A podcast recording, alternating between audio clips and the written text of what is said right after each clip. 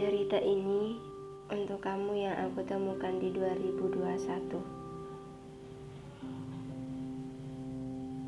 Cerita ini untuk kamu yang aku punya di 2021. Dan cerita ini juga untuk kamu setelah aku kehilangan kamu di 2021. Kamu adalah orang yang aku pikir mencintai aku, namun sepertinya kamu tidak pernah melakukan hal itu.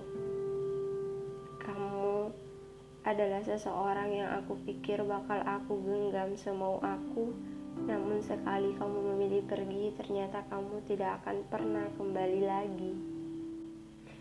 Dan kamu adalah seseorang yang menunjukkan dunia setelah aku terjebak dengan dunia lamaku yang begitu gelap selama tujuh tahun belakangan. Sayangnya, sekarang kamu tidak lagi meneranginya.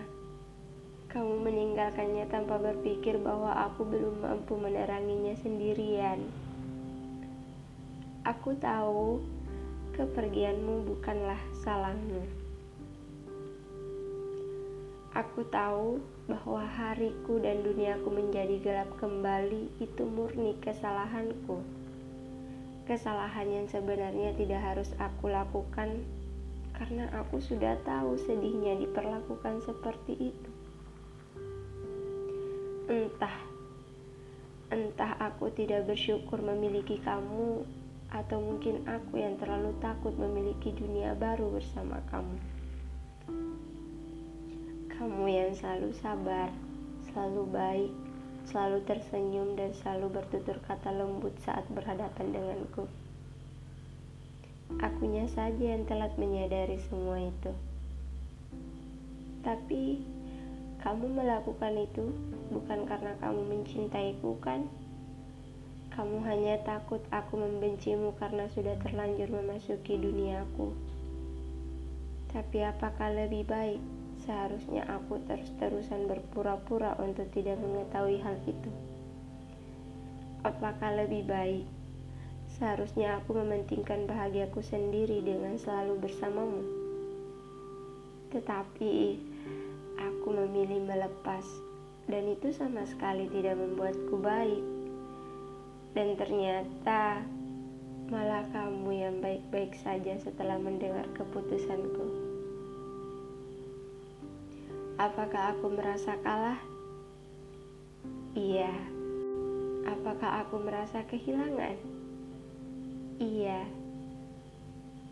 Dan apakah aku merasa kembali sendirian? Jawabannya adalah iya. Akan tetapi, jangan memulai untuk mencari tahu keadaanku ya. Cukup mulailah bahagiamu tanpa diriku. Senyummu begitu lepas akhir-akhir ini setelah aku melihatnya.